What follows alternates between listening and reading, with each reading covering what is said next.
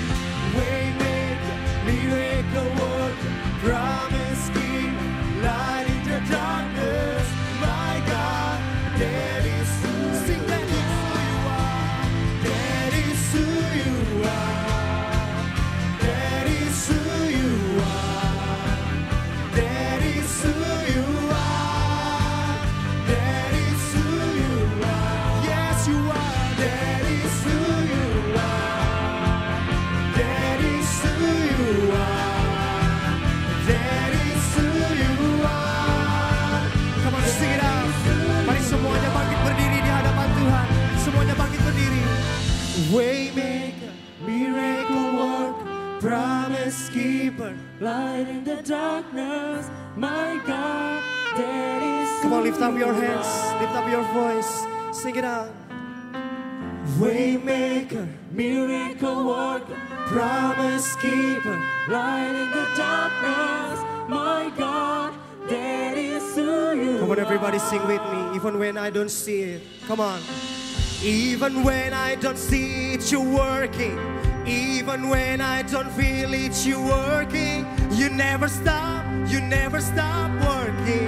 You never stop, you never stop working. Even when I don't see it, you're working. Even when I don't feel Come on. you're working. You never stop, you never stop working. Come on, sing it out. You never stop working. Come on. Even when I don't see it, you're working. Even when I don't feel it, you're working. You never stop. You never stop working. You never stop. You never stop. Even when I don't see it, you're working. Even when I don't feel it, you're working.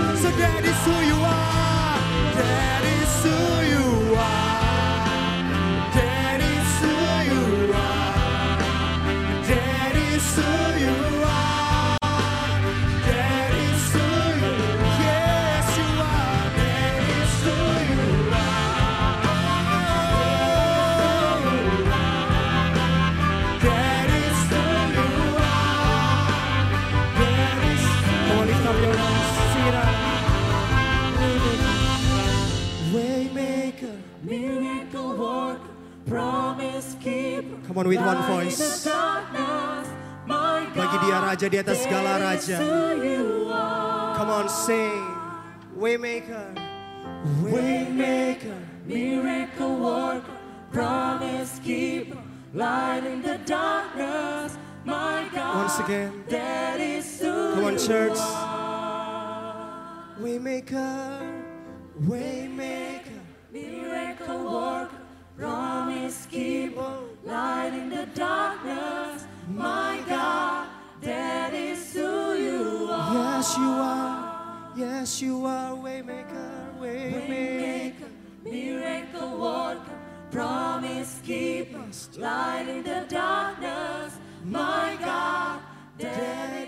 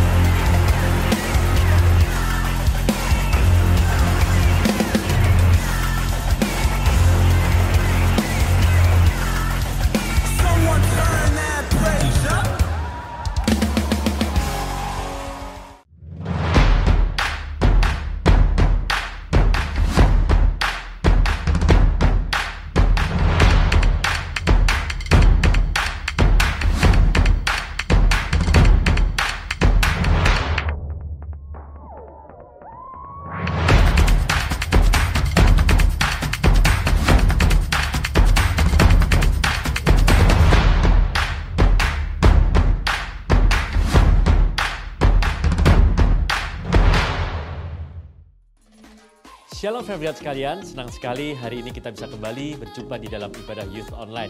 Di mana pun sudah berada, ya aku mau menyapa setiap kalian dari Jogja, dari Solo, Shalom juga dari Bandung, dari Jakarta, dari Semarang, dari Magelang, dari Klaten, dari Madiun, bahkan dari Wonosari, eh, dari mana lagi, dari Nias bahkan ya, bahkan dari semua kota yang ada. Ya welcome di dalam ibadah Youth Online.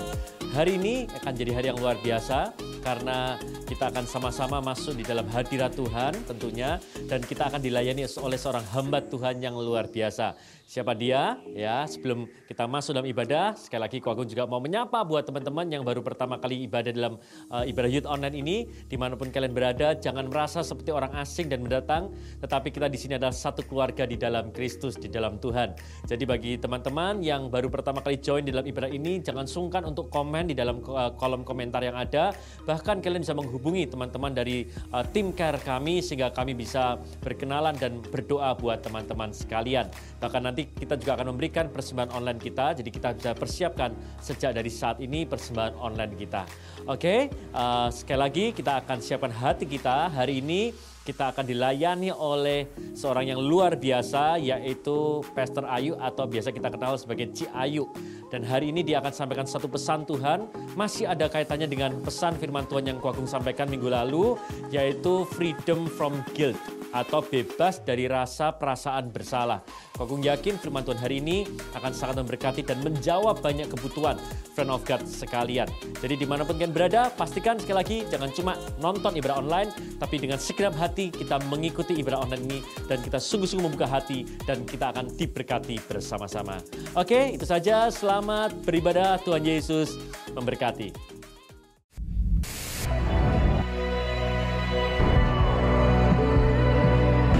Pilihan hari ini kami bisa terima tubuh dan darah Kristus. Undangnya, memujinya harus berapi-api. Dengerin firmannya harus berapi-api. Amin.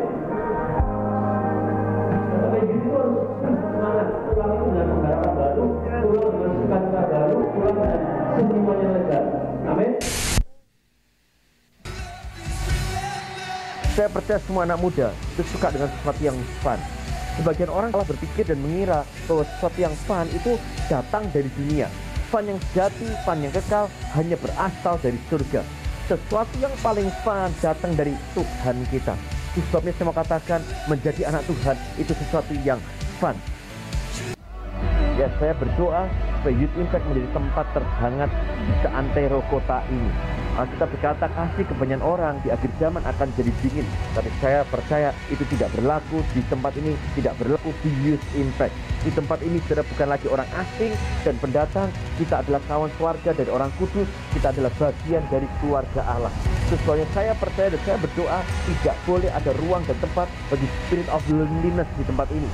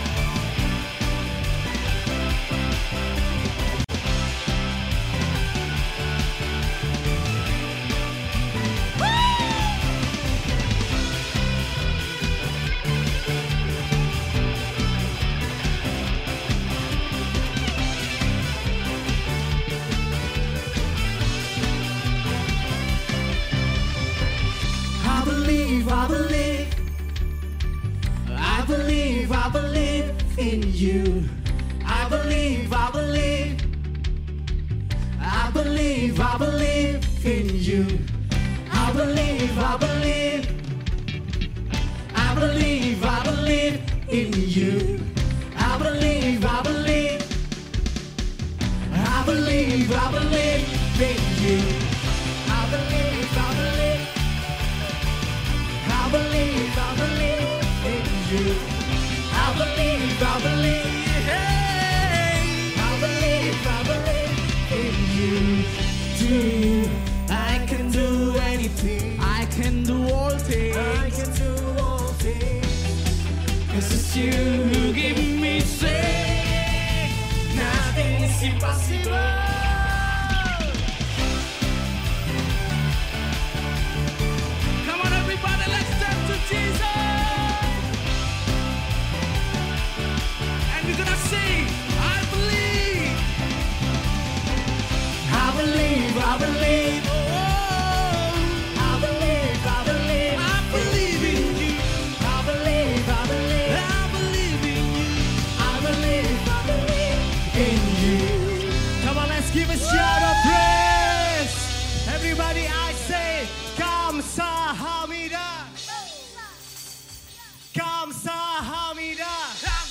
Once again, and Kamsahamnida.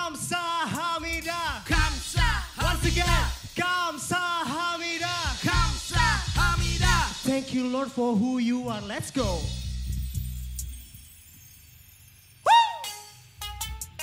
Are you ready, friend of God? Let's go. Give you thanks, give you thanks, I will give you thanks. All day, all day, in every circumstance. Got a whole long list I to talk about. I'm gonna start right now. Thank you for your mercy. Thank you for your grace. Thank you for your blessing. Thank you for today. Thank you for the things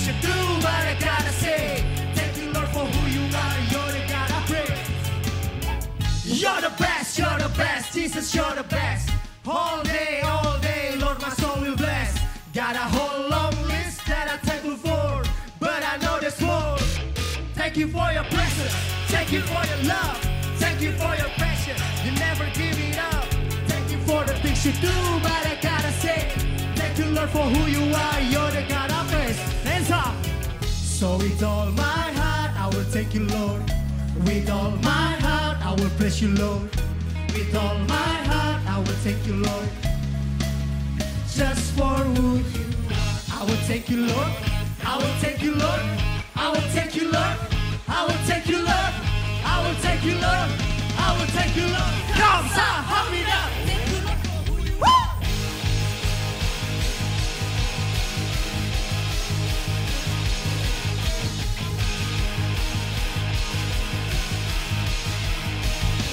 You're the best, you're the best, yes, you think the best. Man, you, man, even to the tire, hey.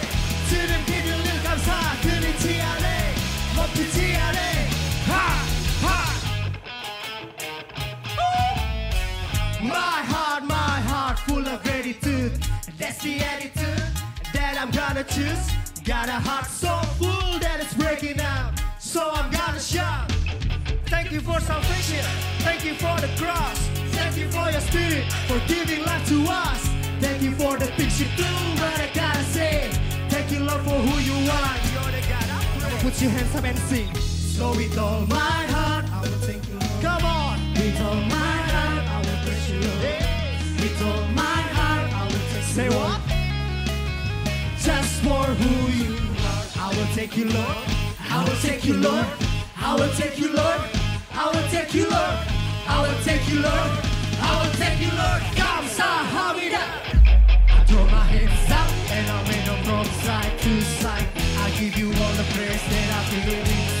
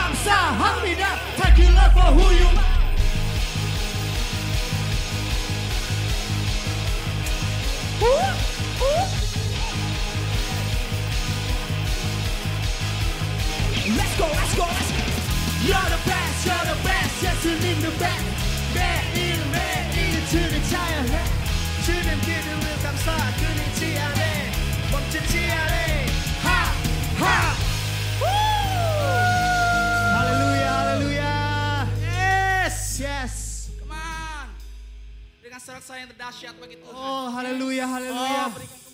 Yes, berikan kemuliaan yang paling dahsyat. Oh, boleh sorakan haleluya. Lebih dahsyat lagi sorakan haleluya.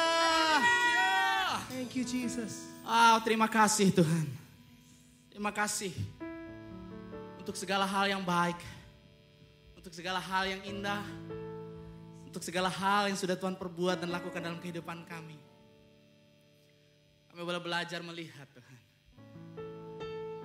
Dalam kehidupan kami, Engkau gembala kami yang baik. Kau Allah yang tak pernah membiarkan kami. Kau Bapa yang mengasihi kami. Dan hari ini Tuhan, kami hanya mau sembah Engkau. Kami hanya mau tinggikan Engkau. Bapa kami, gembala kami, Allah kami yang baik. Dan saat ini Tuhan, terima sembah. Terima syukur kami. Karena Engkau layak untuk ditinggikan Amin. dan Engkau layak untuk dimuliakan.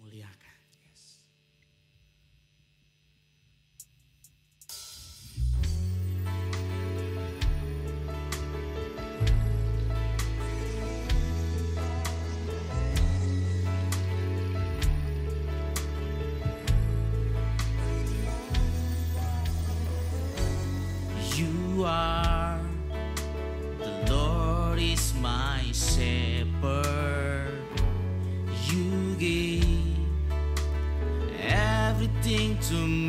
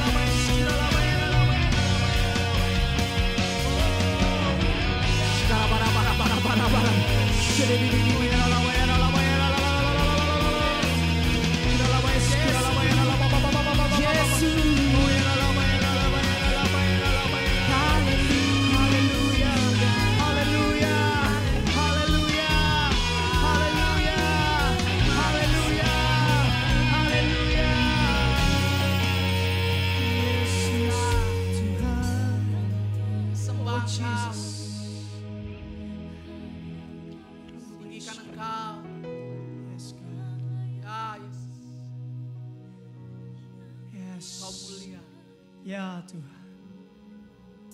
ask.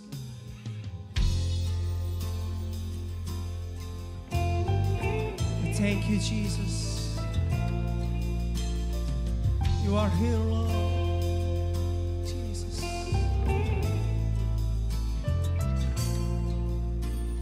Grace, glorious grace.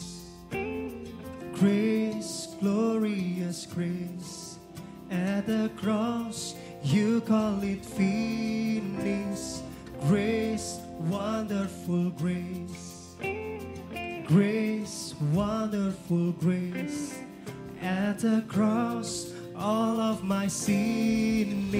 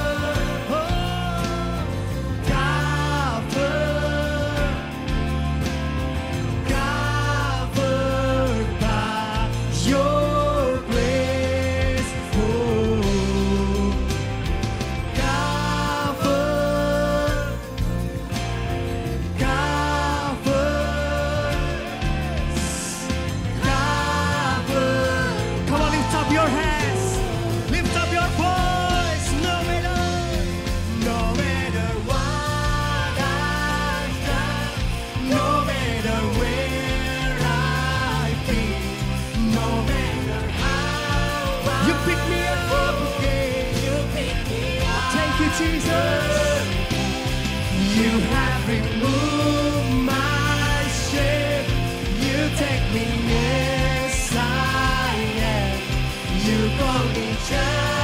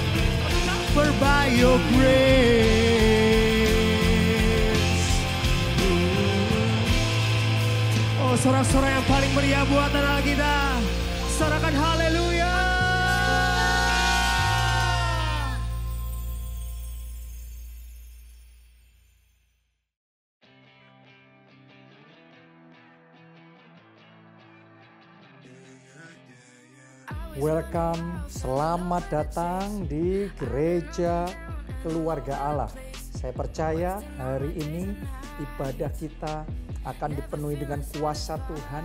Kalau Anda percaya, mujizat Tuhan akan kerjakan dan banjir mujizat sungguh-sungguh terjadi di tengah-tengah kita. Saya sepanjang minggu ini bersyukur sekali karena ada begitu banyak kesaksian dari saudara-saudara kita yang mengalami mujizat-mujizat dan mengirimkan kesaksiannya di CSM di Jonathan Setiawan Ministries ya ada satu orang yang uh, ngalamin kesembuhan dari tumor dari kanker benjolan daging tumbuh tidak normal tapi dengan kuasa Tuhan dilenyapkan dan kesembuhan terjadi ada satu lagi jemaat yang sudah tujuh bulan lumpuh nggak bisa berjalan. Tapi percaya dengan kuasa Tuhan yang ajaib. Dan ketika kuasa Tuhan itu bekerja, mujizat terjadi. Tiba-tiba dia punya kekuatan untuk bangkit, berdiri, dan berjalan kembali. Luar biasa. Jadi saya percaya hari ini Anda yang sakit, Anda taruh iman pengharapan saudara kepada Tuhan dan pengharapan akan Tuhan tidak akan mengecewakan saudara. Kesembuhan juga akan terjadi. Kesembuhan saat ini juga terjadi dalam hidup saudara. Bukan cuma kesembuhan ilahi. Saya juga dengar kesaksian-kesaksian tentang mujizat keuangan.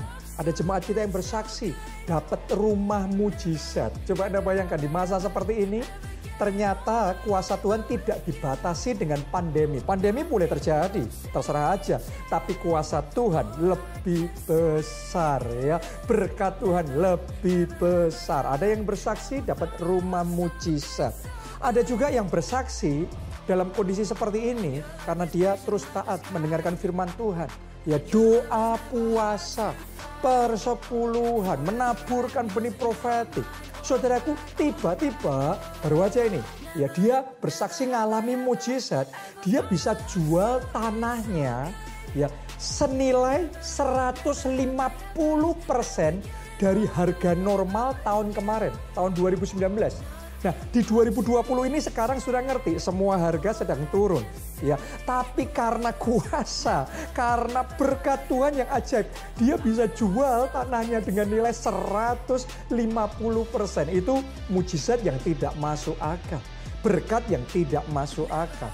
Doa saya hari ini, mujizat berkat yang tidak masuk akal itu terjadi juga di dalam kehidupan saudara. Amin ya. Nah, nanti kita akan mendengarkan firman Tuhan, tapi terlebih dahulu mari kita persiapkan persembahan kita. Kita bawa persembahan yang terbaik kepada Tuhan. Anda bisa mentransferkan persembahan saudara dengan cara scan barcode yang ada di bawah ini atau saudara bisa pakai mobile banking, internet banking, mentransferkan kepada rekening gereja kita yang juga ada di bawah ini ya. Dan mari kita persiapkan hanya yang terbaik bagi Tuhan. Kita berdoa. Terima kasih Tuhan. Kami mengucap syukur karena anugerahmu tak henti-hentinya. Kasih setiamu tak habis-habisnya. Dalam keadaan baik, dalam keadaan krisis. Tapi kasih Tuhan, anugerah Tuhan, kemurahan Tuhan selalu ada di dalam kehidupan kami. Saat ini kami mau bawa persembahan syukur kami. Kami mau bawa persembahan persepuluhan kami. Kami mau bawa yang terbaik hanya bagi Tuhan. Biarlah harta kami ini sungguh-sungguh memuliakan Tuhan. Terima kasih Tuhan. Di dalam nama Tuhan Yesus kami berdoa dan kami mengucap syukur. Amin. Amin, amin. Saudaraku, silahkan Anda bisa mentransferkan persembahan saudara. Dan sementara itu, saya juga mau menyambut bagi Bapak, Ibu, Saudara sekalian yang mengikuti ibadah keluarga Allah ini adalah pertama kalinya bagi saudara. Tentunya kita ingin kenal, kita ingin melayani saudara dan juga berdoa bagi saudara. Itu sebabnya mohon kesediaan saudara menghubungi kita di nomor WhatsApp pengembalaan yang ada di bawah ini ya. Atau saudara bisa connect sama saya di JSM Jonathan Setiawan Ministries di Facebook, di Instagram, di Twitter, di YouTube. Ya mohon saudara perkenalkan diri saudara supaya kita bisa mengenal, melayani dan berdoa bagi saudara. Ya setiap Rabu sampai Jumat saya selalu ada acara live streaming. Nah, Anda bisa ikut di situ ya dan saudara bisa mempostingkan permohonan-permohonan doa saudara. Ya biasanya saya akan berdoa satu persatu untuk permohonan-permohonan doa tersebut. Saya percaya kalau Anda beriman, kita gabungkan iman kita bersama, Tuhan kita itu Tuhan yang hidup. Dia mendengar dan dia menjawab doa-doa kita. Kalau orang lain disembuhkan, Anda juga disembuhkan. Oke. Kalau orang lain terima jawaban doa secara pribadi, Anda juga mengalami dan menerima jawaban doa yang dari Tuhan untuk hidup saudara. Jadi Anda boleh join di JSM ya dan saya percaya saudara akan semakin diberkati oleh Tuhan ya. Atau saudara bisa ketik juga di www.gbika.org/live. Di situ Anda bisa memilih berbagai macam program yang ada di gereja kita. Ya ada ibadah seperti ini ya, ibadah untuk dewasa kita semua. Ada juga khusus untuk anak-anak yaitu Kids Impact. Khusus untuk remaja Teens Impact dan khusus untuk kaum muda Youth Impact. Anda bisa ngikuti di situ.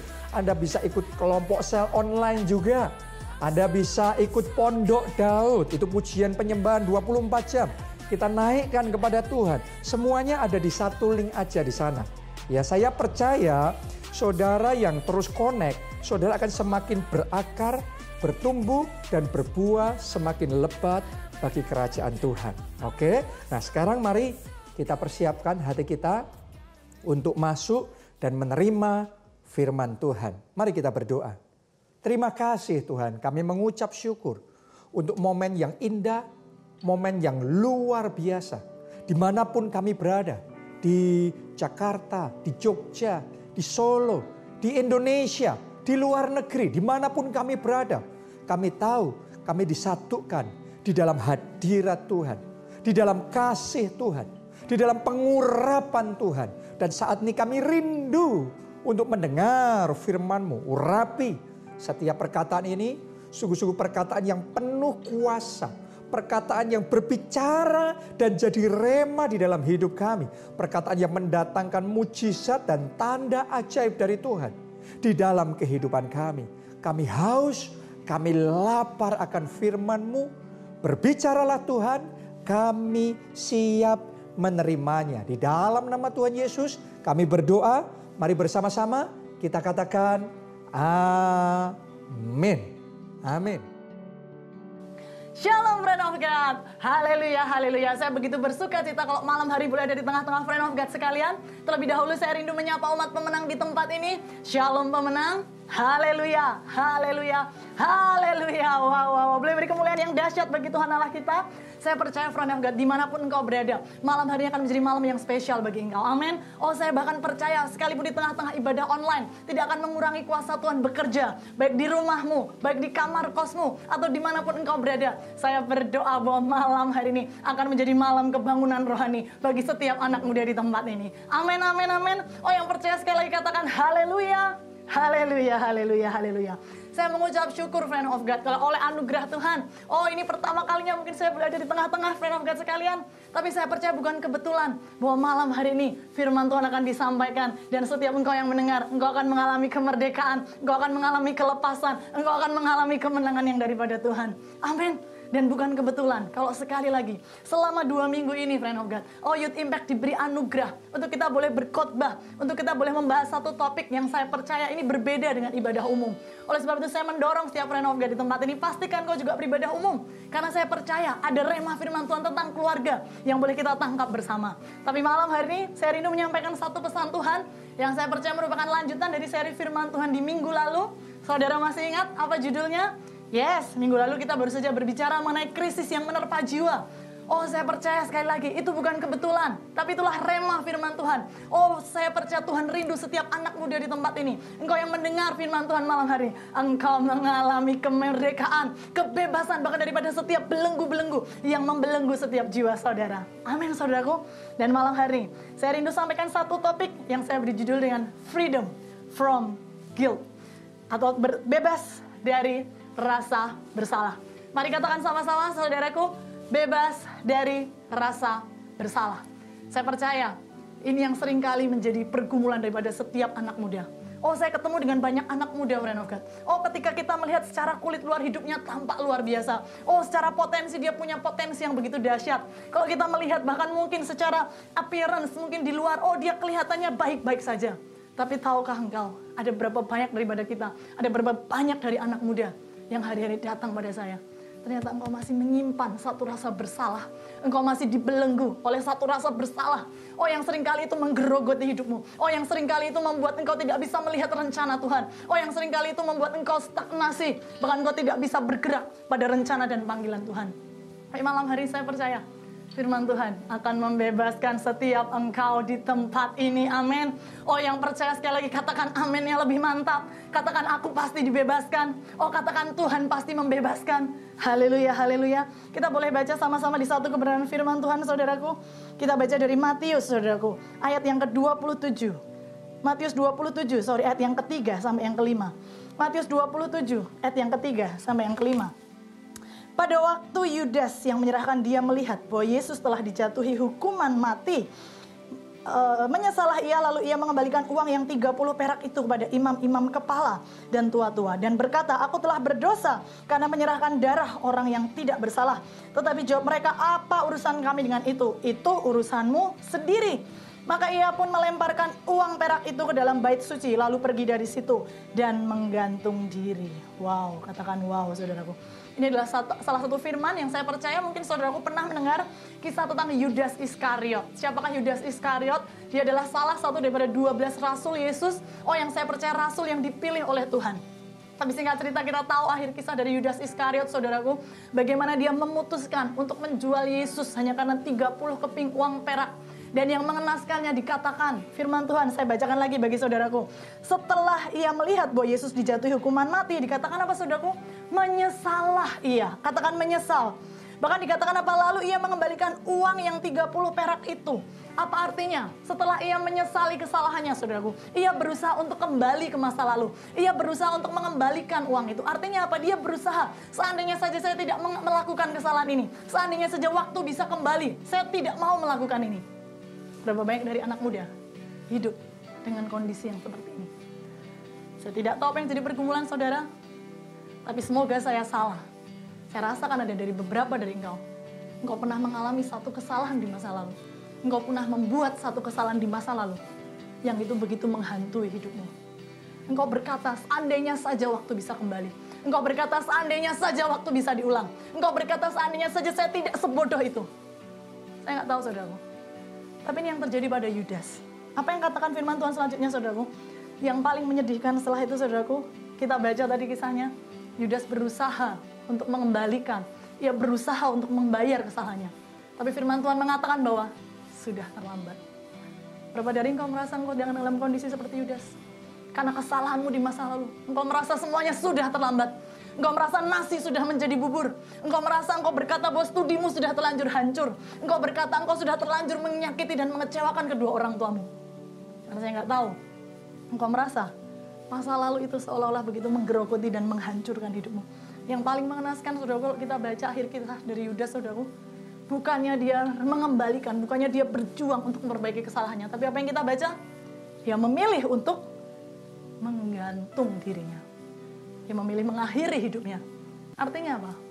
Ada berapa banyak dari engkau akibat rasa bersalah, akibat penyesalan di masa lalu, engkau saat ini dalam kondisi aku mau menyerah saja. Engkau sedang ada dalam kondisi Oh, aku mau menggantungkan hidupku saja. Oh, mungkin kau tidak semua menggantung dalam arti jasmani, saudaraku. Tapi berapa dari engkau kau sudah berpikir untuk menggantungkan studimu? Oh, berapa dari engkau kau sudah berpikir untuk menggantungkan pelayananmu? Saya undur saja dari pelayanan. Oh, karena saya sudah melakukan satu kesalahan yang begitu memalukan. Berapa dari engkau bahkan engkau memilih untuk menggantungkan masa depanmu. Engkau merasa karena engkau pernah melakukan satu kesalahan di masa lalu. Bahkan mungkin engkau sudah terlanjur mengorbankan keperawananmu. Saya nggak tahu saudaraku. Tapi itu begitu memalukan bagimu. Itu begitu menghancurkan hidupmu. Dan hari ini kau tidak bisa melihat apa yang menjadi rencana dan tujuan Tuhan dalam kehidupanmu. Tapi dengar baik saudaraku. Berita baiknya saya percaya. Yesus kita datang. Yohanes 3 ayat 16. Saudara ingat. Karena begitu besar. Katakan besar. Karena begitu besar. Katakan besar saudaraku. Kasih Allah kepada saudara dan saya. Bukankah itu yang dia lakukan? Dan saya percaya saya berdoa bahwa malam hari di tengah setiap rasa bersalahmu, di tengah setiap rasa engkau nggak layak lagi, Tuhan datang untuk menyelamatkan engkau. Tuhan mau engkau terbebas dari setiap rasa bersalahmu. Tuhan mau memberikan engkau masa depan yang baru. Tuhan mau engkau berlari-lari pada panggilan dan tujuan Tuhan di dalam kehidupanmu. Haleluya saudaraku. Oh sama-sama kita sorakan haleluya saudaraku. Haleluya, haleluya, haleluya. Oh saya percaya saudaraku oleh sebab itu malam hari kita akan belajar. Setidaknya ada tiga dampak negatif saudaraku. Kalau kita terus berada dalam rasa bersalah. Oh apa dampaknya? Oh kenapa Tuhan begitu rindu engkau terbebas dari rasa bersalah? Oh kenapa Tuhan begitu malam hari begitu jauh-jauh datang dari sorga saudaraku. Dia turun ke dunia firman Tuhan katakan dia jadi manusia. Hanya untuk membebaskan kau dari rasa bersalahmu. Karena setidaknya ada tiga dampak saudaraku. Kalau engkau tidak terbebas dari rasa bersalah ini akan terjadi saudaraku. Yang pertama, saudaraku, dampak dari rasa bersalah. Yang pertama, saudaraku, rasa bersalah ternyata membuat kita tidak bisa melihat rencana besar Tuhan. Haleluya. Saya ulangi, saudaraku, rasa bersalah membuat kita tidak bisa atau gagal melihat rencana besar Tuhan. Ada berapa banyak, saudaraku, saya mengkonseling begitu banyak anak muda yang datang pada saya dengan berkata bahwa, Cik, masa depan saya sudah hancur. Saya bingung, saudaraku. Kalau kemarin kita ingat saudaraku firman Tuhan minggu lalu, oh terbebas dari krisis yang melanda jiwa. Saudara masih ingat saudaraku ada tiga poin yang begitu memberkati saya. Oh bahwa kita diciptakan sebagai masterpiece-nya Tuhan. Oh bahwa ternyata dikatakan saudaraku apa lagi saudaraku? Oh kita ini produk terbaiknya Tuhan. Oh bahkan dikatakan lagi kita diciptakan untuk sukses. Bahkan dikatakan apa lagi saudaraku? Oh kita ini sudah dibekali satu potensi untuk kita sukses, untuk kita meraih panggilan Tuhan.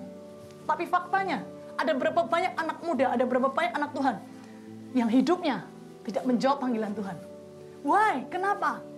Karena saya mau katakan saudaraku, karena rasa bersalah yang menggerogoti engkau, itu membuat engkau lupa bahwa engkau diciptakan dengan maksud dan tujuan yang mulia. Rasa bersalah itu sering kali saudaraku membuat engkau lupa bahwa engkau diciptakan dengan potensi yang dahsyat. Haleluya saudaraku. Oleh sebab itu malam hari saudaraku, pastikan kau terbebas dari setiap rasa bersalahmu. Saya nggak tahu saudaraku, apa yang pernah engkau alami, kesalahan besar apa yang pernah engkau alami di masa lalu. Tapi dengar baik ketika engkau terus hidup dalam rasa bersalah. Oh ini akan menutup matamu, menutup penglihatanmu dari visi Tuhan. Dari rencana besar Tuhan atas hidupmu. Saya percaya Yeremia 29 ayat 11 saudaraku berkata Tuhan memberikan rancangan damai sejahtera dan bukan rancangan kecelakaan amin. Bahkan hari depan yang penuh harapan. Amin saudaraku. Oleh sebab itu malam hari pastikan engkau tidak dibelenggu oleh rasa bersalah. Saya terberkati dengan kisah Yusuf dan Yakub saudaraku. Ya kalau beberapa waktu lalu di gereja kita sempat membahas tentang itu saya begitu terberkati ketika itu Bunita saudaraku sempat uh, membahas bagaimana ketika Yakub ada dalam rasa bersalah. Singkat cerita saudaraku ketika Yakub mendengar kabar bahwa Yusuf anak kekasihnya itu dibunuh dikatakan tiba-tiba katakan tiba-tiba saudaraku katakan seketika itu juga firman Tuhan menulis Yakub menjadi buta. Aneh ya saudaraku. Dengar kabar buruk menjadi buta. Artinya apa saudara? Berapa banyak dari kita, mata kita hari-hari sepertinya buta saudara. Artinya apa? Kita nggak bisa melihat rencana Tuhan. Kita nggak bisa melihat lagi visi Tuhan atas hidup kita. Why? Rasa bersalah.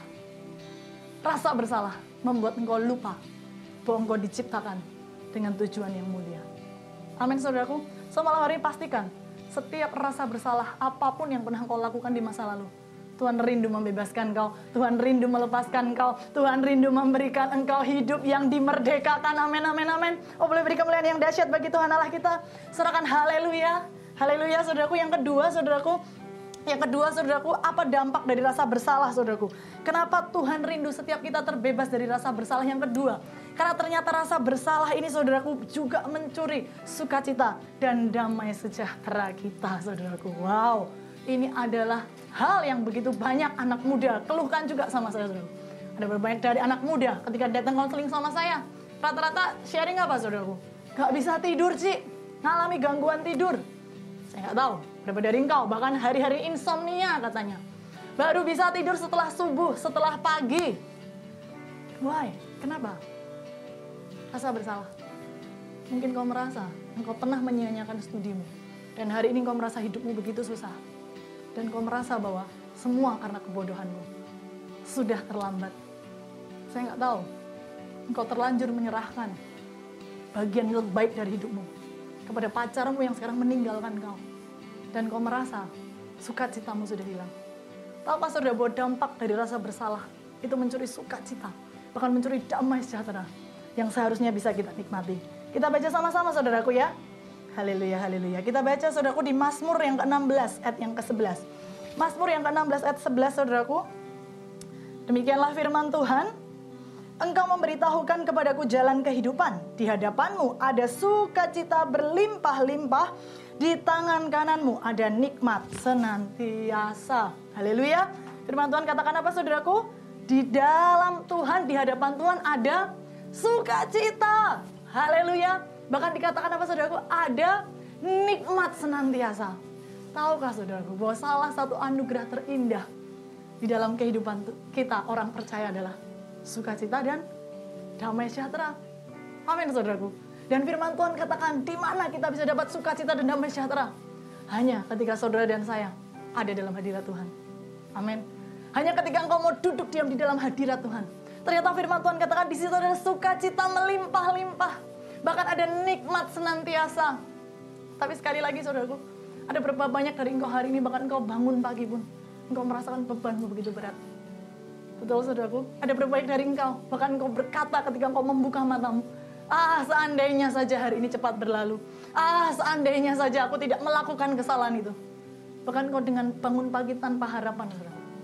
Tapi hari ini saya percaya saudaraku, ketika engkau datang pada Tuhan, sukacita, damai sejahtera, itu akan dikembalikan dalam hidupmu. Bahkan firman Tuhan katakan sukacita yang melimpah, anugerah yang melimpah, kasih Tuhan yang melimpah, dilimpahkan, dilimpahkan, dilimpahkan, dilimpahkan dalam kehidupanmu. Amin saudaraku.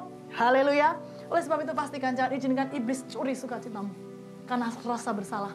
Bahkan ada berapa banyak saudaraku, anak muda yang akibat engkau terus menyesal, engkau terus hidup di masa lalu, engkau terus terikat pada penyesalan di masa lalu, membuat engkau lupa untuk mensyukuri setiap anugerah Tuhan pada hari ini. Amin. Artinya apa saudaraku? Banyak dari kita hidup itu ibarat pakai spion. Betul ya? Saudara bisa bayangkan kalau jalan maju, kita nyetir saudaraku tapi terus melihat spion. Bisa saja kita berjalan akhirnya nabrak. Oh itulah banyak daripada kita ketika kita hidup dalam rasa bersalah. Kita kehilangan sukacita, kita kehilangan damai sejahtera pada hari ini. Why? Karena kita selalu hidup di masa lalu. Kita selalu mengingat-ingat kesalahan kita. Bahkan kita selalu mengingat-ingat kesalahan orang lain yang mereka buat terhadap kita. Engkau merasa kau diperlakukan tidak adil. Mungkin kau merasa bahkan Tuhan sudah nggak sayang lagi sama engkau. Betul saudaraku? Tapi malam hari saya berdoa. Engkau tidak ditipu lagi oleh iblis. Sukacita, damai sejahtera, itu dikembalikan, itu dikembalikan, itu dikembalikan, itu dikembalikan. Karena engkau terbebas dari rasa bersalah, karena karya Tuhan di kayu salib, karena kasihnya yang besar, membebaskan engkau dari setiap rasa bersalah, dan memberi engkau sukacita yang melimpah-limpah. Haleluya. Oh saudara haleluya saudaraku. Haleluya, haleluya, haleluya. Yang ketiga saudaraku, ini adalah dampak dari rasa bersalah saudaraku. Kalau kita terus hidup dalam rasa bersalah, ternyata yang begitu mengerikan rasa bersalah membuat kita lupa bahwa kita adalah pribadi yang berharga di mata Tuhan. Katakan saya berharga saudaraku. Katakan engkau biji mata Tuhan. Oh katakan saya biji matanya Tuhan. Oh katakan saya spesial di mata Tuhan. Oh katakan saya kesayangannya Tuhan. Amin saudaraku. Tapi sekali lagi saudaraku, ada berapa banyak daripada engkau. Ketika engkau terus hidup di dalam rasa bersalah. Engkau mulai lupa bahwa engkau diciptakan dengan begitu berharga. Haleluya. Saya ketemu dengan seorang ibu muda saudaraku. Mungkin se- seusia dengan saudara dan saya gitu saudara. Emang kita seusia gitu ya. Amin saudara. Saya selalu merasa seusia dengan anak muda ya. Haleluya saudaraku. Ada seorang ibu muda saudaraku bisa dikatakan sebenarnya belum usia ibu-ibu. Eh, dia datang pada saya untuk berkonseling saudaraku Dan saya begitu pedih hati ketika dia datang. Saya tahu bahwa ini bukan masalah yang sepele. Karena saya melihat secara wajah, usianya mungkin baru seusia saya atau bahkan lebih muda ketika itu. Tapi dia ceritakan satu beban yang begitu berat, saudaraku. Dia bercerita bahwa saat ini dia memiliki seorang anak yang ternyata anak itu adalah anak hasil hubungan di luar nikah, saudaraku. Tahukah saudara, apa yang dia katakan ketika itu? Dia katakan bahwa, Bu atau Cik, hidup saya udah gak ada artinya. Dia cuma katakan satu kata itu berulang-ulang, saudaraku. Cik, saya ini sampah. Cik, saya ini sampah bagi keluarga saya. Saya ini sudah mempermalukan kedua orang tua saya. Cik, saya ini sampah bahkan bagi anak saya. Saya ini ibu yang gak bisa jadi teladan. Oh dan itu begitu membuat hati saya pedih saudara. Tahu engkau rasa bersalah. Membuat engkau lupa bahwa engkau sebenarnya diciptakan sebagai pribadi yang berharga. Oh tahukah engkau saudaraku? Oh engkau biji matanya Tuhan. Bahkan firman Tuhan mengatakan engkau ditenun dalam kandungan ibumu. Oh Tuhan membuat engkau dengan begitu spesial. Oleh sebab itu malam hari jangan izinkan rasa bersalah itu. Oh membuat engkau lupa bahwa engkau adalah pribadi yang begitu dahsyat di mata Tuhan. Amin saudaraku. Saya percaya saudaraku. Ketika ibu ini saudara, atau ketika orang wanita ini tuh, dia akhirnya bisa dipulihkan. Saya percaya Tuhan pasti bisa memakai dia secara dahsyat. Tapi sekali lagi, ada beberapa baik dari kita. Kita lebih memilih untuk tinggal dalam rasa bersalah kita. Betul saudaraku? Kalau minggu lalu dikatakan, engkau ini adalah produk yang terbaik daripada Tuhan. Tapi akibat rasa bersalah, sering kali kita merasa bahwa kita ini produk yang gagal. Kita ini produk yang sudah terlanjur hancur, Cik. Mau diapakan lagi? Seperti wanita ini, saudaraku. Dia berkata mau diapakan lagi, Cik? Nasi sudah menjadi bubur. Sudah terlambat. Nyatanya saya sudah terlanjur hamil, sudah terlanjur punya anak. Cita-cita saya hancur, masa depan saya hancur. Tapi dengar baik anak muda. Kalau malam hari itu engkau bahkan di tengah kehancuran hidupmu, bahkan di tengah keadaanmu yang seolah-olah itu sudah menjadi bubur di hadapanmu, tapi di mata Tuhan, Tuhan masih sanggup memakai engkau, Tuhan masih sanggup mengubah keadaanmu, Tuhan masih punya rencana yang besar dalam kehidupanmu. Amin, saudaraku. Saya mau pastikan kalau itu engkau, rencana Tuhan belum berakhir dalam hidupmu. This is not the end of the story. Kalau engkau mau bangkit, kalau engkau mau bebas dari rasa bersalah, Tuhan masih punya rencana atas hidupmu. Amin saudaraku. Oleh sebab itu saya berdoa setiap rasa bersalah.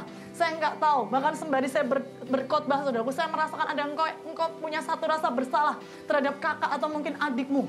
Engkau pernah membuat satu kesalahan di masa lalu yang membuat kakak atau adikmu mungkin mengalami kecelakaan. Dan engkau melihat dengan mata kepalamu sendiri sampai detik ini. Entah kakak atau adikmu itu harus hidup susah karena kesalahan yang kau buat. Saya berdoa setiap rasa bersalah dilepaskan malam hari ini dibebaskan. Rencana Tuhan dalam hidupmu belum berakhir. Amin, saudaraku. Engkau tetap pribadi yang berharga. Engkau bernilai. Dan Tuhan akan memakai engkau secara dahsyat. Amin. Oleh sebab itu malam hari ini, pastikan engkau bebas dari rasa bersalah. Karena itu yang jadi isi hati Tuhan. Amin, saudaraku. So, bagaimana kita akan belajar hari ini? Bagaimana kita bisa bebas dari setiap rasa bersalah yang membelenggu kita. Haleluya, haleluya, saudaraku. Saudara rindu? Sama-sama kita belajar, amin. Oh yang rindu sekali lagi saudaraku, buka hatimu, amin. Oh katakan Tuhan pulihkan aku. Katakan Tuhan bebaskan aku, amin. Oh katakan Tuhan lepaskan aku dari setiap rasa bersalah. Amin saudaraku. Haleluya, haleluya. Kita akan belajar dari satu kisah. Oh yang saya percaya ini begitu memberkati kehidupan saya. Kita buka Yohanes saudaraku, Yohanes 21. Inilah pasal yang terakhir dari kitab Yohanes. Yohanes yang ke-21 saudaraku. Kita akan baca terlebih dahulu dari ayat yang pertama sampai yang ke-12 saudaraku. Haleluya, haleluya. Ini adalah kisah kalau saudara uh, membaca kisah sebelumnya, saudaraku kisah di mana Yesus uh, menampakkan diri kepada para rasul, pada murid-muridnya, saudaraku setelah ia uh, disalib, bahkan akhirnya Yesus bangkit kembali. Dan ini adalah uh, kisah di mana akhirnya Yesus menampakkan diri juga kepada Petrus dan kawan-kawannya. Kita baca saudaraku ya. Yohanes 21 ayat pertama sampai yang ke-12. Kemudian Yesus menampakkan diri lagi kepada murid-muridnya di pantai Danau Tiberias dan ia menampakkan diri sebagai berikut saudaraku. Di pantai itu berkumpul Simon Petrus, Thomas yang disebut Didimus, Nathanael dari Kana yang di Galilea, anak-anak Zebedius dan dua orang muridnya yang lain. Kata Simon Petrus kepada mereka, "Aku pergi menangkap ikan." Kata mereka kepadanya, "Kami pergi juga dengan engkau." Mereka berangkat lalu naik ke perahu. Tetapi malam itu mereka tidak menangkap apa-apa. Wow, saudara ingat kisah ini saudaraku? Saya lanjutkan saudaraku, ketika hari mulai siang Yesus berdiri di pantai, akan tetapi murid-murid itu tidak tahu bahwa itu adalah Yesus. Saya jelaskan sedikit pada saudara, jadi ini adalah kisah kalau saudara tahu di mana ketika penyalipan Yesus, Petrus atau murid yang selama ini sering kali apa saudaraku, eh, cukup arogan gitu ya saudaraku, untuk berkoar-koar bahwa saya akan cinta Yesus selamanya. Oh bahkan ketika itu Yesus berkata, aku tak akan disalib, dan Petrus berkata, aku akan mati bersama dengan engkau, gitu saudaraku. Tapi singkat cerita kita baca kisah selanjutnya, ternyata ketika Yesus disalib, Yesus disesah, ternyata Petrus memilih menyangkal Yesus. Dan saudara bisa bayangkan sampai di situ saudaraku, bagaimana perasaan atau rasa bersalah yang saya percaya dirasakan oleh Petrus. Betul saudaraku? Dan ini adalah kisah di mana Yesus mengembalikan ingatan Petrus tentang panggilannya. Menarik ya saudaraku. Apa yang Yesus lakukan? Kita baca saudaraku. Ketika hari mulai siang, oke itu sudah saudaraku. Ayat yang selanjutnya yang kelima kata Yesus kepada mereka, Hai anak-anak, adakah kamu mempunyai lauk pauk? Jawab mereka, tidak ada. Maka kata Yesus kepada mereka, tebarkanlah jalamu di sebelah kanan perahu, maka akan kamu peroleh. Lalu mereka menebarkannya dan mereka tidak dapat menariknya lagi karena banyaknya ikan. Katakan wow, haleluya saudaraku. Maka murid yang dikasih Yesus atau Yohanes berkata kepada Petrus, itu Tuhan. Ketika Petrus mendengar bahwa itu adalah Tuhan, maka ia mengenakan pakaiannya. Sebab ia tidak berpakaian lalu terjun ke dalam danau. Murid-murid yang lain datang dengan perahu karena mereka tidak jauh dari darat. Hanya kira-kira 200 hasta saja dan mereka menghela jala yang penuh ikan itu. Ketika mereka tiba di darat, mereka melihat api arang dan di atasnya ikan dan roti. Sampai di situ saudaraku, sampai di situ terlebih dahulu maksud saya. Saudara bisa bayangkan kisah ini? Petrus di tengah rasa bersalahnya, kalau kita baca saudaraku, apa yang Petrus lakukan? Dia sedang akan menjala ikan. Artinya apa? Penjala ikan yang pernah diubahkan hidupnya oleh Yesus menjadi penjala manusia. Ini sedang lokro. Itu bahasa Jerman saudaraku, betul nggak saudaraku? Sedang down. Sehingga di tengah rasa bersalahnya dia memilih, lebih baik aku kembali ke kehidupanku yang lama. Ada berapa banyak daripada engkau, hari-hari engkau merasa seperti ini. Karena engkau mengalami satu rasa bersalah, Engkau merasa engkau sudah mengecewakan Tuhan. Engkau merasa engkau sudah mengecewakan kedua orang tuamu. Dan engkau berkata lebih baik hidupku hancur sekalian. Enggak usah lagi Tuhan-Tuhanan. Itu yang sedang Petrus lakukan. Aku sudah menyangkal Yesus. Lebih baik kembali saja ke kehidupan yang lama. Jadi penjala ikan. Tapi menariknya saudaraku di tengah sekali lagi rasa bersalah Petrus apa yang Yesus lakukan. Yesus mengulang kembali momen perjumpaan pertama Yesus dengan Petrus. Betul saudaraku? Artinya apa? Yesus sedang ingin mengingatkan Petrus Wahai Petrus, dengar engkau, bahwa di tengah setiap rasa bersalahmu, aku tetap memilih engkau. Amin saudaraku. Dia tidak melupakan panggilannya. Sekalipun beberapa dari engkau di tengah rasa bersalahmu hari-hari engkau lupa bahwa Tuhan pernah memanggil engkau. Bahkan beberapa dari engkau engkau mulai merasa bahwa panggilan Tuhan itu sudah berakhir dalam hidupmu. Tapi dengar baik bahwa di mata Tuhan, Tuhan tidak pernah melupakan panggilannya di dalam kehidupanmu. Amin saudaraku. Dan malam hari ini dia memanggil engkau kembali. Come back to me. Amin. Saya lanjutkan saudaraku. Apa yang Yesus lakukan setelah itu saudaraku? Ketika mereka tiba di darat, saudaraku, apa yang dikatakan? Ternyata Yesus menyediakan api dan arang. Untuk apa itu saudaraku? Kata Yesus kepada mereka, bawalah beberapa ikan yang baru kamu tangkap itu. Simon Petrus naik ke perahu lalu menghela jala itu ke darat. Penuh ikan-ikan besar. 153 ekor banyaknya dan sungguh pun sebanyak itu jala itu tidak koyak. Ayat yang ke-12 kata Yesus kepada mereka, "Marilah dan sarapanlah." Tidak ada di antara murid-murid itu yang berani bertanya kepadanya, "Siapakah engkau?" Sebab mereka tahu bahwa itu adalah Tuhan. Di tengah rasa bersalah Petrus, apa yang Yesus lakukan? Dia tidak mengungkit-ungkit kesalahan Petrus. Dia tidak memanggil Petrus dan berkata, terus, terus, pieto koe, gitu saudaraku ya, bahasa Jerman lagi. Petrus, kamu ini murid yang katanya paling hebat, katanya murid yang paling sombong. Kenapa kamu menyangkal aku, no? Tahu kan kau? Di tengah pelanggaran Petrus, apa yang Yesus lakukan kepada Petrus? Firman Tuhan berkata, aku menyediakan hidangan. Yesus memberi Petrus makan. Apa artinya saudaraku? Inilah anugerah. Amin. So poin yang pertama saudaraku, bagaimana engkau terbebas dari rasa bersalah?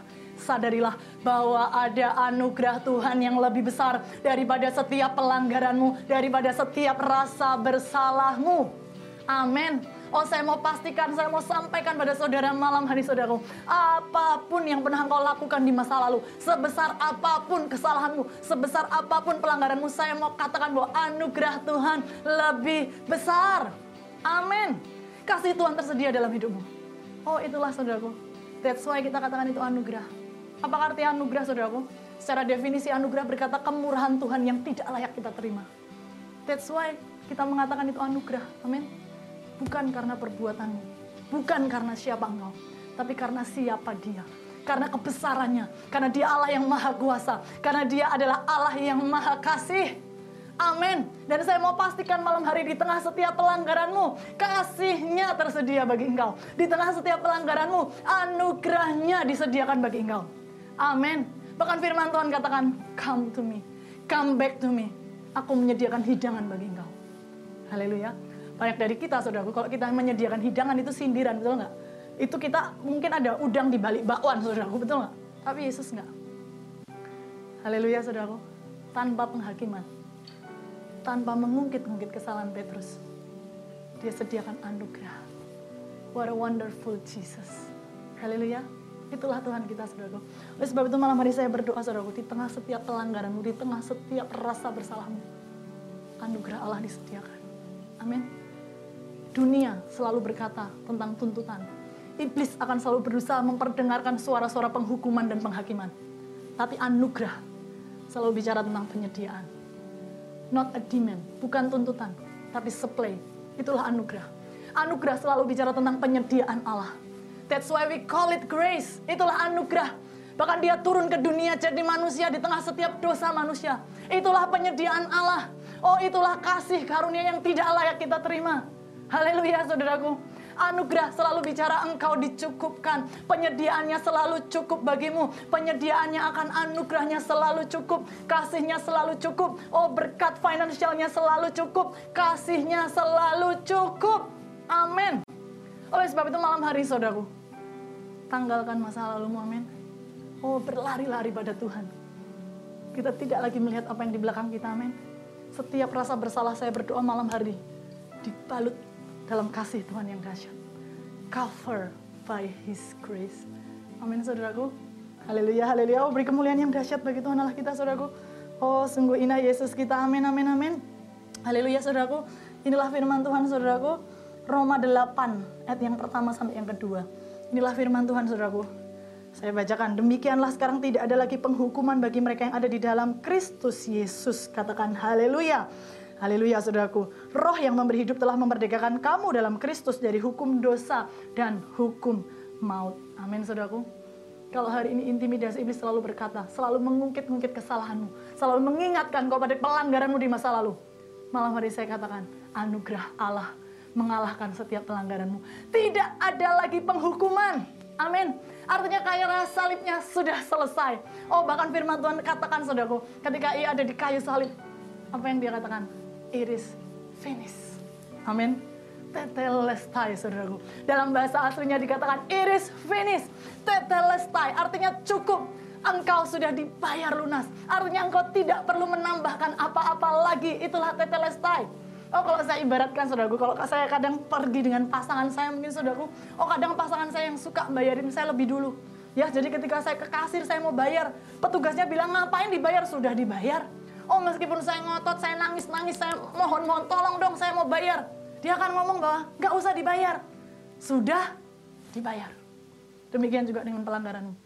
Demikian juga dengan setiap dosa-dosamu. It is finished. Tidak ada lagi penghukuman. Tidak ada lagi dakwaan. Tidak ada lagi tuntutan. Sebab anugerahnya itu dilimpahkan. Itu cukup. Itu lebih daripada cukup. Dan itu diberikan kepada saudara dan saya malam hari ini. Haleluya, haleluya. Oh beri kemuliaan yang dahsyat bagi Tuhan Yesus saudaraku. Haleluya, haleluya. Yang kedua saudaraku. Bagaimana kalau kita rindu, kita terbebas dari setiap rasa bersalah. Oh yang pertama tadi sadari bahwa anugerah Tuhan begitu besar. Maka yang kedua, pastikan kau berdamai dengan dirimu sendiri. Katakan saya mau berdamai. Ini adalah poin yang penting saudaraku. Ada banyak orang kau lupa. Sekalipun anugerah Tuhan dilimpahkan, sekalipun pengampunannya diberikan. Tapi ada beberapa banyak dari kita, kita lupa untuk mengampuni diri kita sendiri. Betul saudaraku? Sekalipun Tuhan sudah mengampuni engkau, tapi iblis selalu berusaha untuk mendakwa engkau, selalu berusaha untuk mengingatkan engkau. Yes. Tapi saudara ingat salah satu lagu favorit saya saudaraku ketika Tuhan panggil hidup saya. Sejauh timur. Lanjutannya saudaraku dari barat engkau membuang dosaku. Yes. tiada kau ingat lagi. Apa saudaraku? pelanggaranku. Amin. Biarlah yang tidak mengingat-ingat pelanggaranmu, saudaraku. Amin. Apa saudaraku selanjutnya? Jauh ke dalam tubir laut kau melemparkan dosaku. Katakan saudaraku, tiada kau perhitungkan saudaraku. Tiada kau perhitungkan kesalahanku. Katakan apa saudaraku? Oh betapa besar, betapa besar kasih pengampunanmu Tuhan. Tak kau pandang hina hati yang hancur. Saudaraku katakan ku berterima kasih. Ku berterima kasih kepadamu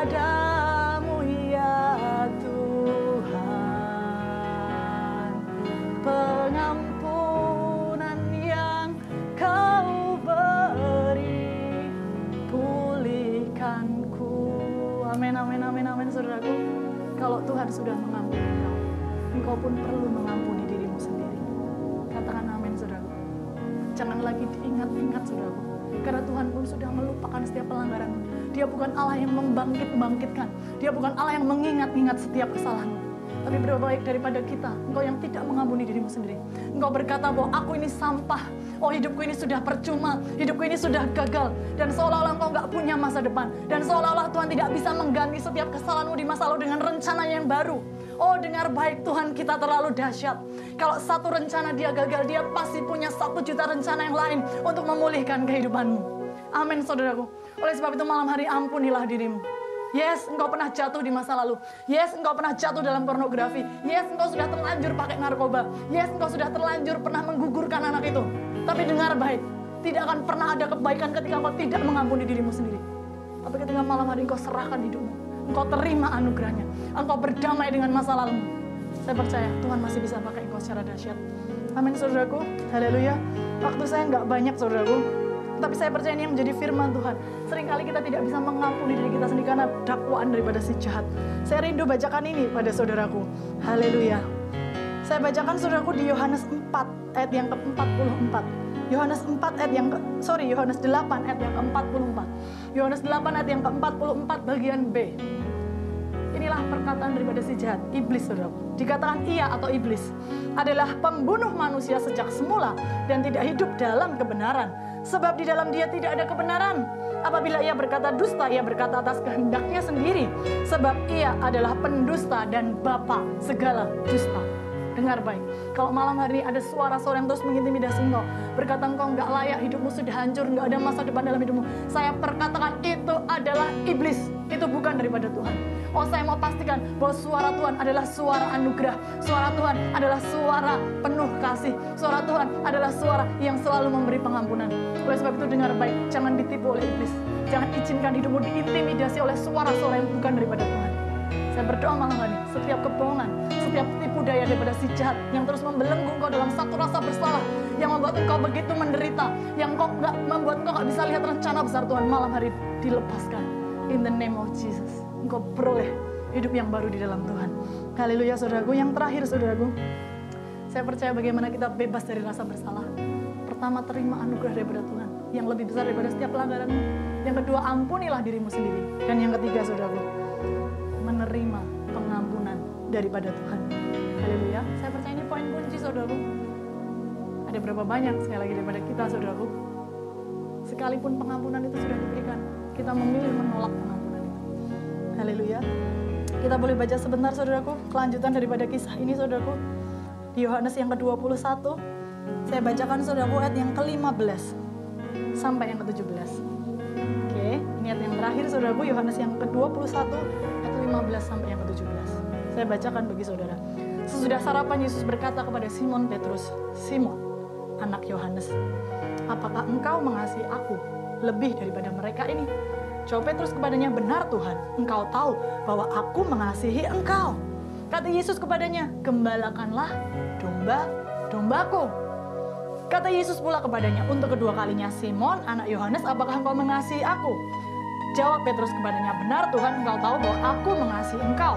Kata Yesus ke- kepadanya lagi, gembalakanlah domba, dombaku. Lalu kata Yesus kepadanya untuk ketiga kalinya, Simon anak Yohanes, apakah engkau mengasihi aku? Maka sedih hati Petrus karena Yesus berkata untuk ketiga kalinya, apakah engkau mengasihi aku? Dan ia berkata kepadanya, Tuhan engkau tahu segala sesuatu, engkau tahu bahwa aku mengasihi engkau. Lalu kata Yesus kepadanya, gembalakanlah domba-domba. Tahukah saudara, menerima pengampunan Yesus itu juga bicara engkau menerima kehidupan baru yang ditawarkan oleh Yesus. Katakan haleluya saudara.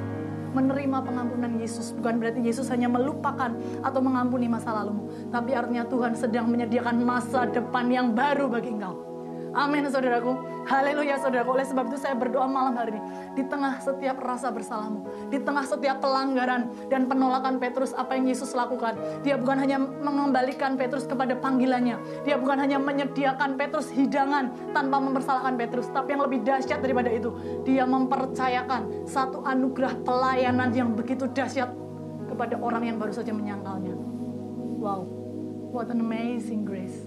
Tahukah saudara, itu yang akan dia kerjakan bagi hidupmu malam hari ini. Amin. Ketika kamu serahkan hidupmu padanya, ketika kamu dibebaskan dari setiap rasa bersalahmu, tahukah engkau Yesus masih mempercayai engkau. Amin. Sekalipun di tengah setiap kesalahanmu, sekalipun di tengah setiap kegagalanmu, Yesus masih mempercayai engkau. Amin, saudaraku. Saya percaya saat itu Petrus menangis. Bukan karena sedih, saudaraku, tapi karena dia tahu ada satu anugerah yang begitu besar. Sehingga kita tahu kisah selanjutnya. Bahwa dari seorang Petrus yang dikatakan orang yang pernah menyangkal Yesus. Bahwa dari seorang Petrus yang dikatakan orang yang mudah naik turun imannya. Berdirilah satu soko guru gereja. Karena di atas batu karang itu, aku akan membangun gerejaku. Yesus mempercayakan satu pelayanan yang begitu besar kepada orang yang seharusnya dianggap sampah dunia. Saya percaya itulah saudara dan saya. Kalau malam hari dia memanggil engkau kembali saudaraku. Saya percaya, what an amazing grace. Bukan karena siapa saudara dan saya. Bukan karena kemampuan kita saudara. Tapi karena anugerahnya begitu besar. Malam hari jangan lagi sia-siakan anugerahnya. Malam hari jangan kau lari daripada panggilannya. Malam hari jangan lagi engkau lari daripada kasihnya. Sebab kasihnya tersedia dalam hidupmu. Haleluya saudaraku, ayat yang terakhir saudaraku. Yesaya 43 ayat yang ke-18. Ia berfirman, jangan lagi ingat-ingat hal yang dahulu. Sebab aku pun sudah tidak mengingat-ingat itu. Jangan perhatikan hal-hal yang dari zaman purbakala. Artinya kesalahanmu sudah berlalu. Lihat aku hendak membuat sesuatu yang baru. Katakan sesuatu yang baru. Yang sekarang bahkan sudah tumbuh. Katakan sudah tumbuh. Belumkah engkau mengetahuinya? Amin saudaraku. Itulah yang Yesus sediakan. Satu anugerah yang tidak akan pernah bisa dibayar oleh manusia. Karena dia menyediakan dengan darahnya sendiri. Dengan pengorbanannya di kayu salib sendiri. Ia berkatakan, it is finished. Pelanggaranmu sudah selesai. Rasa bersalahmu malam hari sudah selesai. Dan aku menyediakan satu anugerah untuk kehidupan baru yang siap engkau jalani bersama dengan Yesus. Amin saudaraku. Saudara rindu terima anugerah itu.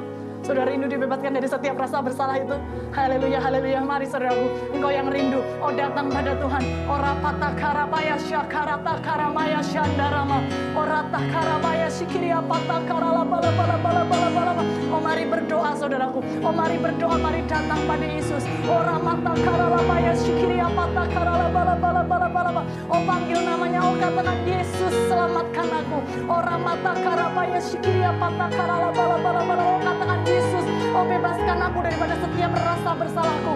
Ini yang mata karalabaya papa. Oh malam hari ini, oh hambamu berdoa ya Tuhan. Setiap rasa bersalah, setiap belenggu-belenggu daripada si jahat yang berusaha ditanamkan untuk menghancurkan kehidupan dan masa depan ini. Malam hari dibatalkan di dalam nama Yesus. Oh setiap rencana daripada si jahat yang berusaha menggagalkan rencana besar Tuhan atas setiap mereka. Hambamu berdoa malam hari ini diselesaikan di dalam nama Yesus. Oh rapata karalabaya sikiria pata karalama lama lama lama lama lama. Haleluya. Oh rata karalabaya sikiria pata karalama lama lama lama. Mari datang pada Yesus. Oh engkau yang selama ini akan tengah rasa bersalahmu saudaraku. Oh saya rasakan kalau malam hari kau berkata itu aku cik. Oh kalau kau berkata oh aku begitu menderita karena rasa bersalah ini. Aku begitu dibelenggu karena rasa bersalah ini. Dengar baik malam hari tangannya tersedia bagi engkau. Dengar baik malam hari. Oh dia membuka tangannya untuk engkau berlari-lari kepada pelukannya. Oh sekalipun kau merasa enggak layak. Sekalipun kau berkata engkau sudah menjadi sampah. Engkau merasa seolah-olah hidupmu sudah seperti sampah. Dengar baik malam hari kasihnya tersedia bagi engkau. Malam hari karya salibmu mengatakan bahwa setiap pelanggaranmu sudah diampuni. Haleluya, haleluya. Orata karalabaya syikiri apata karalabala bala bala bala bala Jesus, terima kasih Tuhan.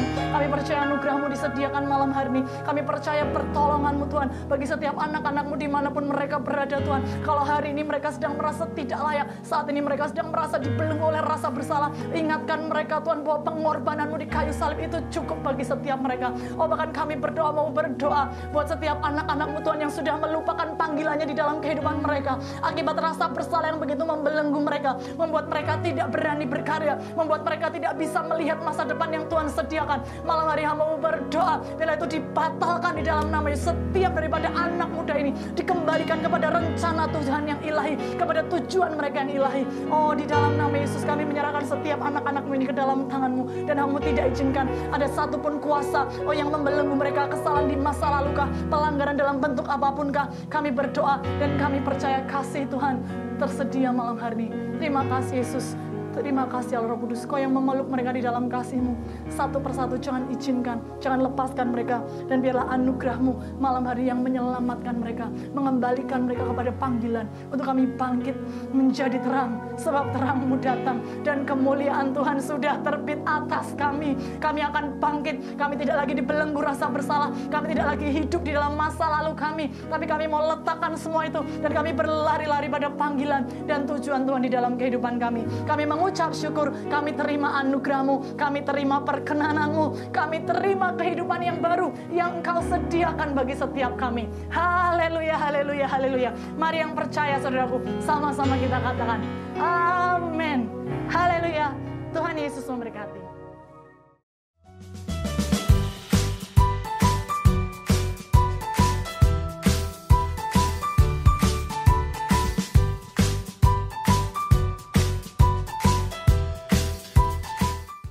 Mengembalikan perpuluhan bukanlah sebuah saran, namun firman Allah yang tertulis di dalam Alkitab.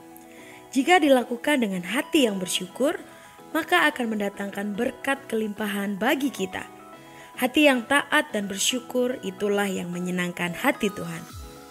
Kini saudara dapat memberikan persembahan dan persepuluhan dengan cara sebagai berikut.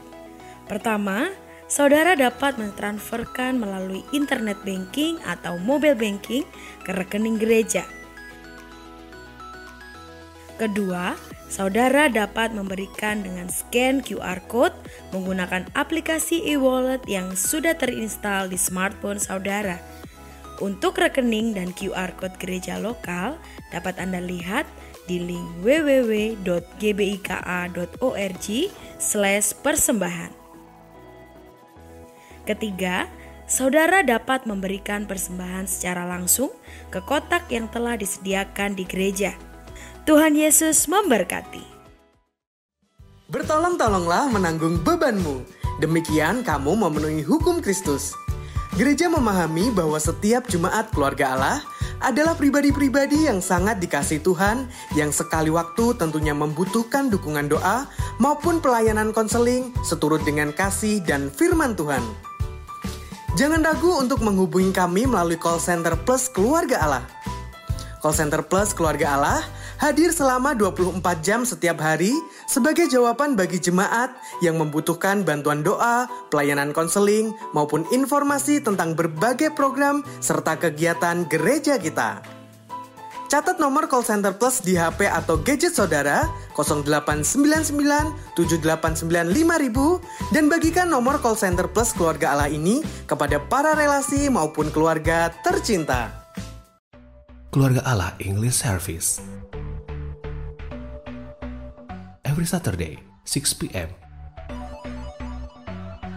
and Sunday, 9 a.m. and 4 p.m.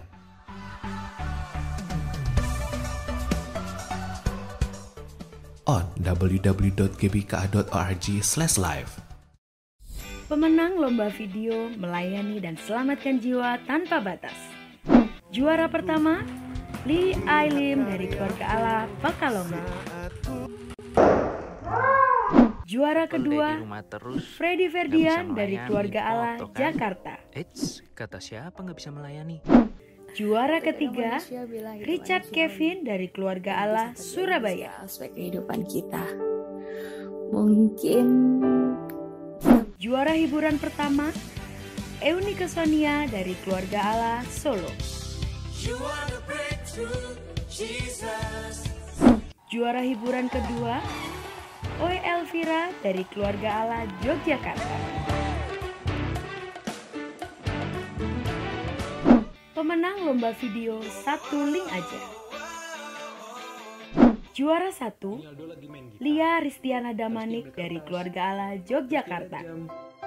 Terus dia kasih lihat apa yang dikasih dalam kotak. Eh itu bapak Jenny satu link aja hashtag satu link aja. Eh Juara dua, Eva Senjamaya Dewi dari keluarga Allah Yogyakarta.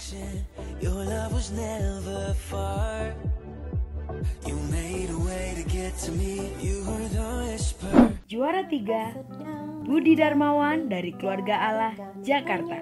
fasilitasnya. Selamat kepada para pemenang. Tuhan Yesus memberkati.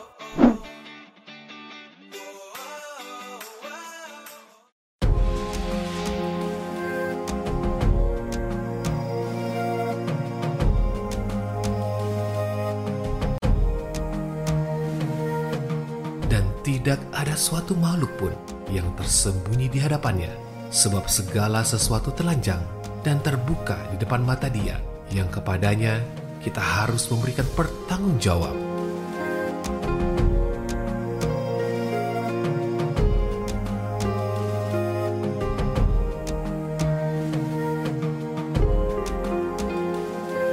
Hidupmu bukan milikmu. Hidup kita ini milik Sang Pencipta. Hidup ini milik Tuhan. Itu sebabnya Tuhan melihat, Tuhan mencatat, Tuhan menghitung, Tuhan memeriksa senantiasa kehidupan kita.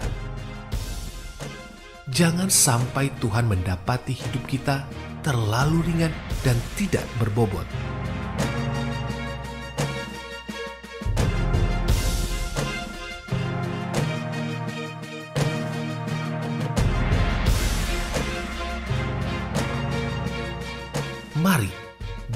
Kehidupan rohani yang berbobot.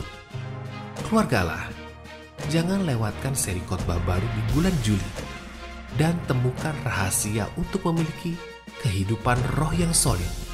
Solid spiritual life.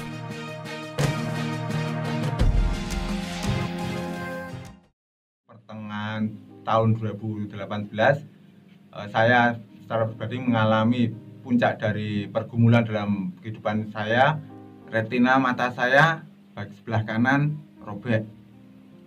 Dan dalam jalan itu eh, saya waktu pertama kali merasakan itu saya nggak berani bilang sama istri saya.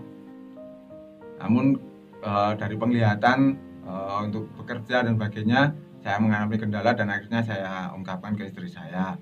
Istri saya mengajak untuk berobat ataupun memeriksakan dan dokter menyatakan bahwa retina mata saya sebelah kanan robek dan harus menjalani operasi. Eh, akhirnya saya harus menunggu jadwal untuk melakukan operasi penanaman silikon. Eh, singkat cerita saya dapat eh, kabar atau dengar dari teman saudara itu eh, kalau operasi mata penanaman silikon itu eh, pengalaman itu paling cepat 6 sampai 9 bulan. Itu baru proses penanaman belum nanti penyembuhan dan sebagainya dan pemulihan. Wah sungguh lama dan mungkin ada yang satu sampai satu setengah tahun saya eh, sudah mengalami perjalanan luar biasa berarti otomatis saya harus berhenti bekerja tidak bisa beraktivitas selama itu bagaimana dengan keluarga saya bagaimana dengan finansial keluarga kami Jadi waktu itu dokter menjadwalkan untuk operasi pertengahan Januari. Tapi kami setia saya mengajak suami saya untuk ikut Pondok Daud. Ayo kita ikut Pondok Daud. Setia mengikuti Pondok Daud dan Tuhan menyatakan mujizatnya. Bahkan dalam waktu eh, kira-kira dua setengah bulan yaitu pertengahan eh, akhir Maret eh, silikonnya sudah matang. Jadi kami kontrol ke dokter, lalu dijadwalkan untuk eh, operasi pengambilan silikon. Jadi eh, pertengahan April suami saya dapat diambil silikonnya. Jadi kurun dalam waktu dua setengah bulan sampai tiga bulan suami saya sudah pulih, sudah disembuhkan dengan sempurna oleh Tuhan. bahkan secara finansial eh, dalam waktu tiga bulan saya tidak bekerja, tidak saya nggak eh, melakukan pekerjaan, ternyata eh, perusahaan masih bayar gaji saya utuh tanpa ada potongan. Tidak berhenti sampai di situ, berarti dan saya sudah dinyatakan pulih dan dinyatakan dokter untuk boleh bekerja lagi. Saya datang ke tempat kerja, eh, waktu hari kedua saya dipanggil manajer. eh, mulai hari ini kamu tidak usah pegang mesin, eh, kamu cukup bantu saya. Dan nanti apa yang anu kamu bisa jalani. Nah, saya terima itu, saya imani. eh, tak tidak pernah terbersih dalam benak saya. Saya bekerja di belakang meja. Bukan basic saya, saya nggak kenal itu apa eh, Word, apa itu eh, eh, apa itu PO, apa itu eh, segala macam urusan kantor saya nggak ngerti sama sekali. Yang saya tahu saya bekerja menggunakan fisik saya, eh, pikiran saya, bagaimana saya menghasilkan barang mentah menjadi barang jadi itu saja yang saya tahu. Tapi Tuhan eh, sungguh luar biasa. Eh, Tuhan senantiasa tuntun saya. Saya biasa selesaikan apa yang eh, manajer percayakan pada saya untuk eh, bahkan saya dipercaya untuk mengkoordinir teman-teman perusahaan kami bahkan mengkoordinir mobilisasi pekerjaan di tempat kami bekerja. Puji Tuhan, akhir tahun 2019 waktu itu eh, saya ibadah akhir tahun bersama istri saya. eh, saya tangkap suatu firman waktu itu mengatakan eh, eh, awan setapak sudah mulai kelihatan eh, dan akan turun hujan lebat. Awal tahun 2020 eh, saya kelola perusahaan, saya kelola eh, manajemen eh, untuk teman-teman, eh, untuk di dalam divisi saya. puji Tuhan, banyak peningkatan omset pekerjaan ataupun hasil yang kami raih untuk bengkel kami bahkan bisa dibilang melebihi tahun yang kemarin. Bahkan kemudian kita harus alami pandemi ini. Banyak para pekerja yang harus di PHK, banyak para eh, perusahaan-perusahaan yang tutup. Namun puji Tuhan, bahkan order untuk tahun ini tahun 2020 kami sudah overload. Bahkan kami dengan berat hati sampai menolak pekerjaan. Namun karena kondisi yang kayak begini saya nggak nggak berani untuk mengajukan ke pimpinan bagaimana dengan eh, itu apa penyesuaian gaji karena kami tahu eh, perusahaan juga mengeluh juga untuk kondisi eh, keadaan finansial di perusahaan. Eh, saya sampaikan itu karena itu adalah mandat dari teman-teman, kami harus saya harus memperjuangkan itu. Puji Tuhan, perusahaan ACC permohonan kami, kami terima penyesuaian gaji. dan kami juga mengucap syukur uh, sudah bergabung di dalam komsel keluarga Allah di mana kami bertumbuh, di mana kami juga mengalami mujizat oleh pertolongan Tuhan. Itu semua juga tidak lepas dari doa-doa KKS kami juga teman-teman komsel kami. Saat ini saya ajak mari kita bergabung dan mengikuti ibadah raya di gereja kita keluarga Allah dan kita juga bergabung di dalam kelompok sel. Kita dapat mengikuti ibadah raya di www.gbika.org live dan juga dapat mengikuti ibadah Pondok Daud 24 jam di eh, website tersebut. Terima kasih, kami percaya kalau kami dapat mengalami mujizat dan pertolongan Tuhan, pasti Tuhan juga pasti akan kerjakan perkara-perkara yang luar biasa dalam kehidupan saudara.